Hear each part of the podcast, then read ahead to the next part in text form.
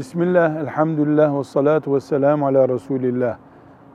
Deniyor ki Kur'an'ın mealini okumak günah mıdır?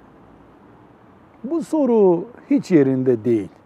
Allah'ın anlaşılması için gönderdiği Müslümanların ahirette hesabını verecekleri kitabın Arapçasını, Türkçe mealini, İngilizce mealini, İtalyanca mealini, Kürtçe mealini okumak günah olur mu hiç? Hiç günah olur mu? Bu sorunun sorulması, bu şekilde sorulması yanlış.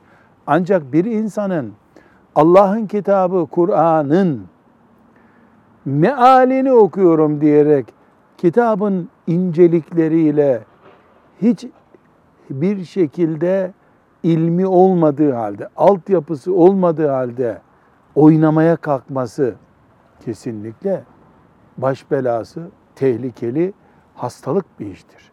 Dolayısıyla Kur'an'ın mealini okumak günah olmaz. Mealle oynamak günah olur.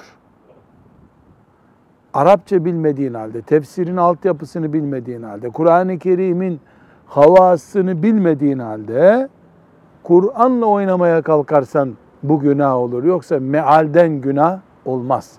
Velhamdülillahi Rabbil Alemin.